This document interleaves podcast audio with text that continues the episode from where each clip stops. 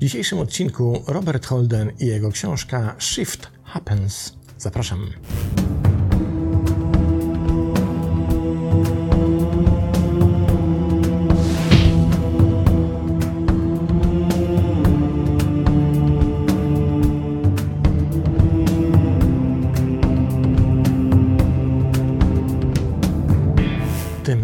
Zacznijmy od samego tytułu, który celowo wypowiedziałem w języku oryginału, dlatego że tytuł zawiera po prostu grę słów i nawiązuje do słynnego i pewnie już kultowego shit happens, czyli no, złe rzeczy, mówiąc najdelikatniej, się nam po prostu przydarzają. Tyle, że w tym tytułowym pierwszym słowie pojawia się literka F, która je zmienia w zmiana się zdarza. Robert Holden dzisiaj wcale nie taki nieznany na polskim rynku, bo dr Holden ma u nas książki. Z tego co widziałem, na pewno jedną, może dwie albo trzy, ale ze zdziwieniem stwierdziłem, że tej, po którą sięgamy dzisiaj, nie ma. I to jest chyba jeden z największych skandali, tak naprawdę, ponieważ ta książka miała swoją premierę, uwaga, w 1999 roku. A zatem mamy książkę sprzed 23 lat z wielką szkodą, w moim przekonaniu, dla polskiego czytelnika, nieobecną na naszym rynku. Przeczytajmy, kim jest autor. Doktor psychologii jednocześnie propagator duchowości. Innowacyjna praca Roberta Holdena na temat sukcesu i szczęścia została zaprezentowana w The Oprah Winfrey Show, a gdzieżby indziej, i Good Morning America, a także w dwóch głównych dokumentach telewizji BBC The Happiness Formula i nagradzanym How to Be Happy, pokazywanych ponad 30 milionom telewidzów na całym świecie. Jest autorem bestsellerów Happiness Now, Authentic Success i Be Happy. Jego audycja radiowa Shift Happens, czyli o tym samym tytule co dzisiejsza książka, jest emitowana co tydzień w radiu Hay House. Robert Holden podróżuje po świecie, prowadząc seminaria i wykłady. I oto mamy właśnie książkę, która w moim przekonaniu z pozoru wydaje się książką taką, jakich wiele, dotyczącą po prostu zmiany i możliwości dokonywania zmiany w naszym życiu. Ale myślę, że książka Holdena jest książką szczególną, ponieważ on w tej zmianie nie tyle wchodzi w obszar motywacji, znany nam z występujących i pokazujących kierunek naszej motywacji gości w garniturach, ale bardziej od strony duchowej, czyli tej, która wydaje mi się leży w dużo większym zainteresowaniu zarówno moim, jak i widzów tego kanału. Przeczytajmy zatem pierwszy fragment. To Księga Nadziei, pisze Holden o swojej książce. Niektórzy ludzie wyłącznie idą przez życie, a inni ludzie rosną przez życie. Zmiana się dzieje, celebruje Twój nieograniczony potencjał do wzrostu, rozkwitu i ewolucji. Mimo wszystko, mimo przeciwnościom. Termin osobista alchemia opisuje zdolność wzięcia kawałka brudu, kilkukrotnego przetoczenia go i ukształtowania go w perłę. To właśnie robi ostryga. Osobista alchemia to to, co Twoja babcia nazywała zamianą cytryn w lemoniadę. To jest to, co starzy czarodzieje opisywali jako zamienianie ołowiu w złoto. Twoja nieuwarunkowana jaźń jest Twoim pierwotnym potencjałem. To wspomnienie Boga, o którym zapominasz, gdy dorastasz, i wtedy przydarzają Ci się takie rzeczy jak stłuczenia, siniaki, oceny w szkole, dojrzewanie, złamane serce, rozmowy o pracę, odrzucenia, bilety parkingowe, wyścigi szczurów, korki, kredyt hipoteczny, emerytura i tym podobne. Tymczasem od początku dziejów mędrcy w każdej kulturze nosili pochodnie nieuwarunkowanej jaźni. Ta jaźń jest jak wewnętrzne światło bez wyłącznika. Możesz stracić go z oczu, ale nigdy nie gaśnie. Mistrzowie Zen nazywali tę nieuwarunkowaną jaźń swoją oryginalną twarzą. Taoiści nieoszlifowanym obeliskiem. Chrześcijanie pierwotną niewinnością, Hindusi świadomością wiecznej błogości, alchemicy Twoim wewnętrznym złotem. Święty Franciszek z Asyżu, Twoją wieczną pięknością, Thomas Merton, Twoim sekretnym pięknem i tak dalej. To Twój brak wiary w swoją nieuwarunkowaną jaźń, czyli Twoje wewnętrzne światło, prowadzi Cię w ciemne miejsca i mroczne historie. Za każdym razem, gdy zdradzasz swoją pierwotną moc i niewinność, uczestniczysz w iluzjach separacji, walki, małości, strachu i niedogodności. Zmiana następuje, gdy świadomie ponownie łączysz się ze swoją mądrością i światłem. Na tym polega prawdziwe uzdrowienie. I cóż nam mówi Albert Holden, odwołując się do wielu tradycji, że tak naprawdę potencjał do zmiany jest w nas. My nie musimy go znajdować gdzieś poza nami. Trzeba go odnaleźć w sobie. I tutaj absolutnie arcyciekawie dla mnie układa się w tą cudowną metaforę starożytnej właściwej alchemii. Nie tej, którą znamy z mitów i wyobrażeń, jak wariaci w swoich laboratoriach wybuchali w poszukiwaniu drogocennych przedmiotów, próbowali zamienić ołów w złoto i tak dalej. Tu chodzi o proces transmutacji, zamiany, który dokonuje się w samym alchemiku. O tym oczywiście opowiadałem wielokrotnie. Natomiast to, co tu jest niezwykle cennego i właśnie co próbuje odkrywać przed nami Holden, to to, że do tej zmiany potrzebne nam jest coś, czym już dysponujemy, ale co wydaje nam się błahe, co wydaje nam się bezwartościowe, co wydaje nam się niegodne uwagi. I dokładnie taką samą metaforą był w alchemii kamień filozoficzny. W większości średniowiecznych alchemicznych tekstów można było przeczytać formułę, że kamień filozoficzny nie jest czymś niezwykłym, poszukiwanym, niedostępnym. To marność, to rzecz, którą pomijamy, którą dysponujemy codziennie, ale którą uznajemy za coś bezwartościowego. Co więcej, pojawiały się takie alchemiczne teksty, które mówiły, że kamień filozoficzny, czyli to, co jest nam potrzebne do dokonania tej transmutacji w nas, tej przemiany ołowiu w alchemiku w złoto w alchemiku, towarzyszy nam każdego dnia. Jest przy nas cały czas. Stąd kilku badaczy zastanawiało się, czy czasem alchemikom nie chodziło o oddech i o to właśnie, że może za naszym oddechem, a właściwie jego jakością i sposobem wykonywania, skrywać się kamień filozoficzny, czyli to, co jest nam potrzebne do dokonania przemiany w nas. Medytując, wiemy, jak oddech jest istotny. Drugi fragment. Strach, że czegoś brakuje gdzieś w tobie lub w twoim życiu, jest największą iluzją ze wszystkich. Jest to wredna i nieuczciwa myśl, która może siać spustoszenie w percepcji, wywołując wiele wątpliwości samokrytyki i autoatakowania. Jest nikczemnym magiem, który wyczarowuje mentalne sztuczki braku, straty, izolacji, potrzeby, zależności i bardzo dużo bólu. Strach, że czegoś w tobie brakuje, prowadzi cię do szukania szczęścia gdzie indziej. Nie jesteś tutaj po to, by znaleźć szczęście, jesteś tutaj, by je odkryć w sobie i czerpać z niego najdłużej jak się da. Jesteś pełen inspiracji, natchniony, natchniona mądrością, stworzony, stworzona z miłością i pobłogosławiony, pobłogosławiona radością. Podobnie jak wszyscy inni, oto graffiti dla duszy. Jestem tym, czego szukam.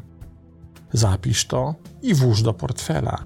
Tu jest prawda, tu jest inspiracja, tu jest miłość, tu jest pokój, tu jest pomoc, tu jest Bóg, tu jesteśmy wszyscy.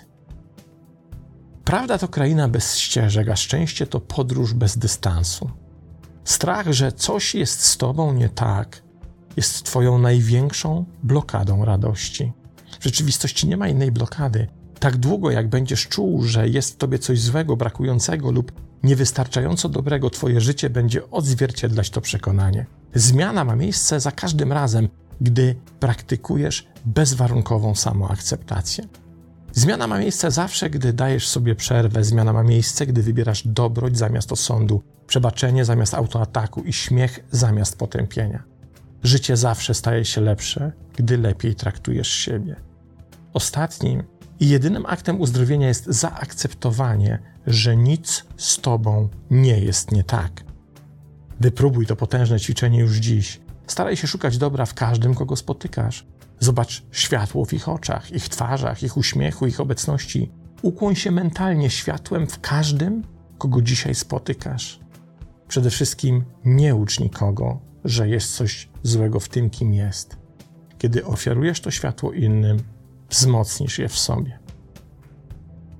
Jedna z koncepcji, która ostatnio wydaje się przechodzić pewien renesans i który w moim przekonaniu robi jej trochę szkody, a może nawet więcej szkody niż pożytku, jest koncepcja miłości do siebie wynikająca z samoakceptacji. Zobaczcie, jak często jest mylnie rozumiana. Wiem, że się teraz narażam, ale trudno, taki los. Otóż w koncepcji, która nam jest tak często serwowana z różnego typu publikatorów i przekazów, kochanie siebie oznacza pobłażanie sobie.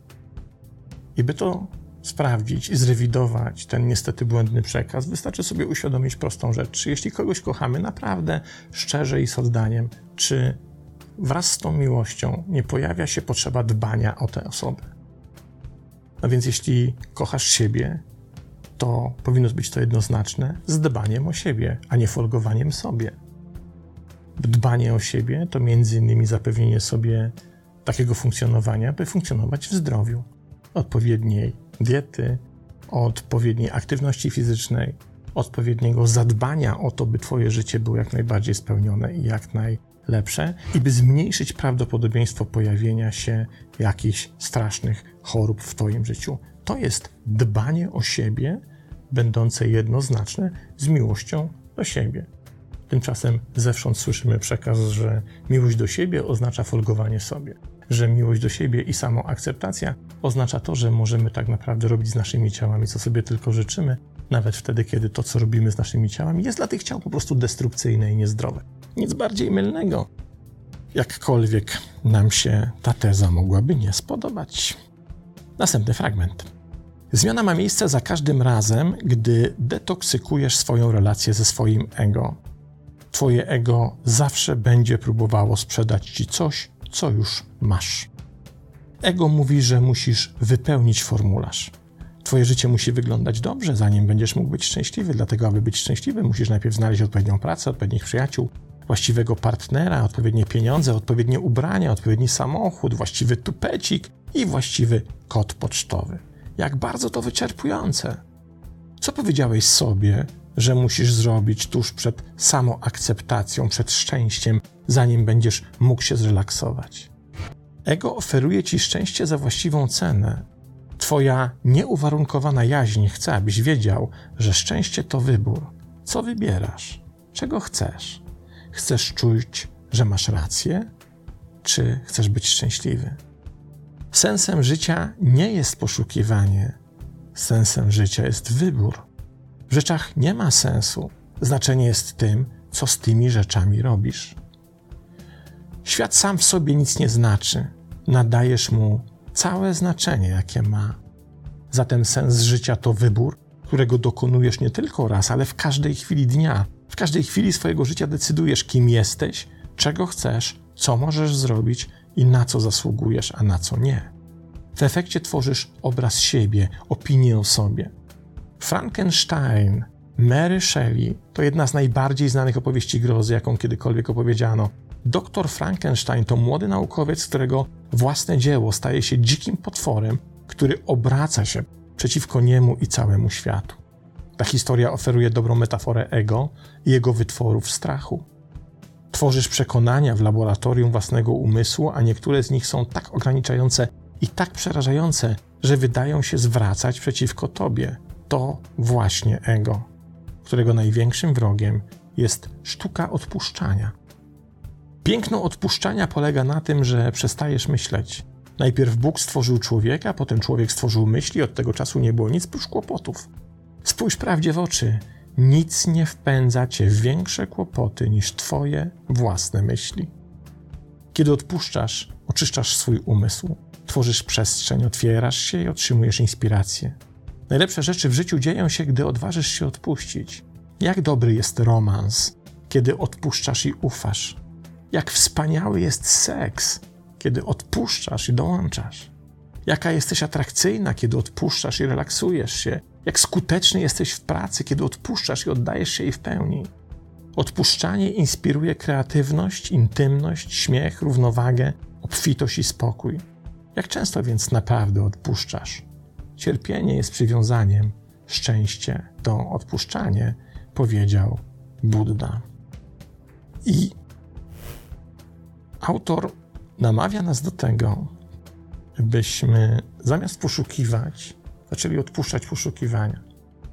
Ponieważ poszukiwania zawsze kierują naszą uwagę na zewnątrz siebie, a kiedy chcemy je zamienić na odkrywanie, to to odkrywanie z każdym swoim dniem tego procesu nakłania nas do coraz częstszego patrzenia w siebie. A czym tak naprawdę jest patrzenie w siebie? To jest wstęp do duchowości.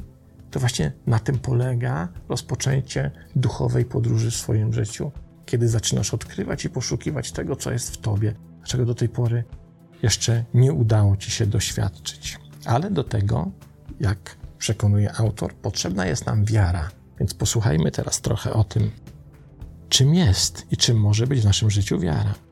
W filmie Indiana Jones i Ostatnia Krucjata pojawia się scena, w której Indiana grany przez Harrisona Forda stoi na skraju przepaści, która opada w nieskończoność. Po drugiej stronie przepaści znajduje się święty Graal, symbol wszystkich skarbów Boga.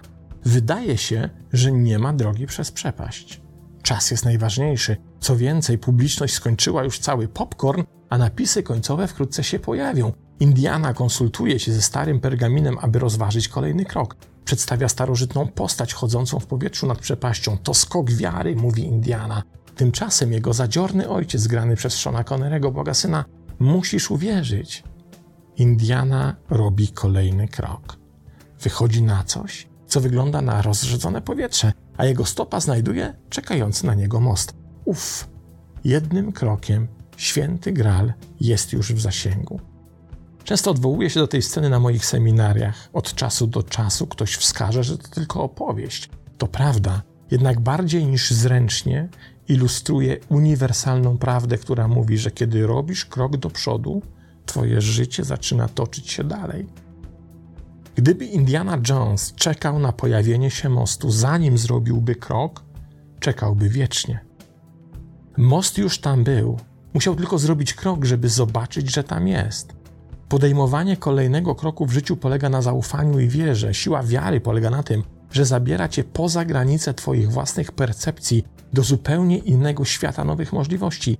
Wiara jest pomostem, który prowadzi od strachu do wolności, starego do nowego, przeszłości do teraźniejszości, braku do obfitości i ego do Boga. Wiara to wspaniała przygoda. A co jeśli zrobisz krok i nie będzie mostu? To pytanie ujawnia wiarę człowieka. Cynicy obawiają się, że spalili wszystkie mosty.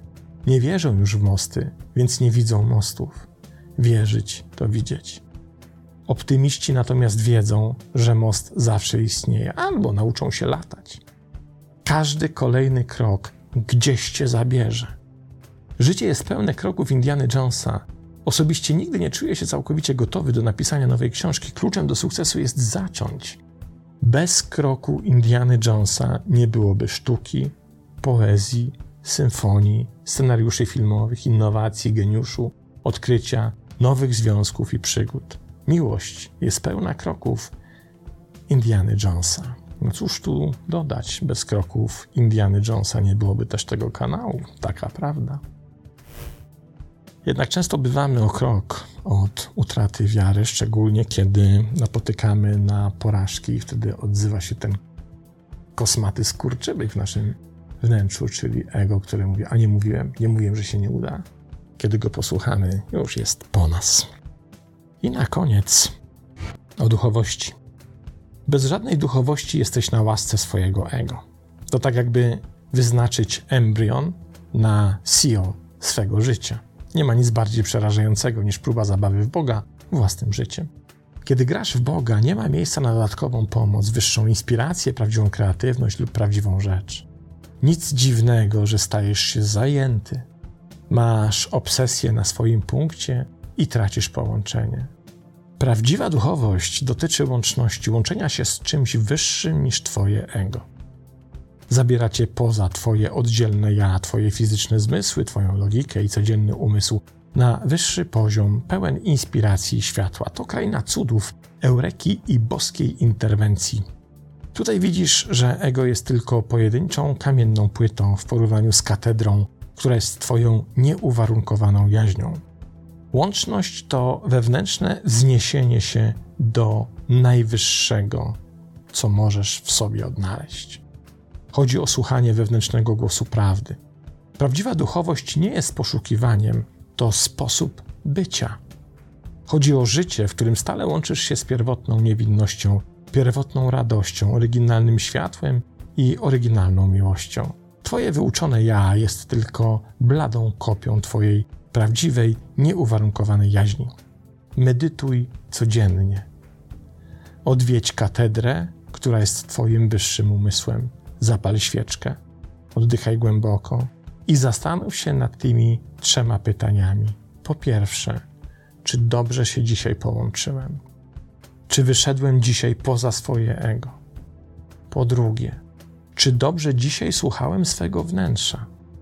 Czy utorowałem drogę wyższej mądrości? Czy pozwoliłem swojej duszy, by mnie prowadziła? I po trzecie, czy dobrze dzisiaj kochałem? Miłość to prawdziwy cel.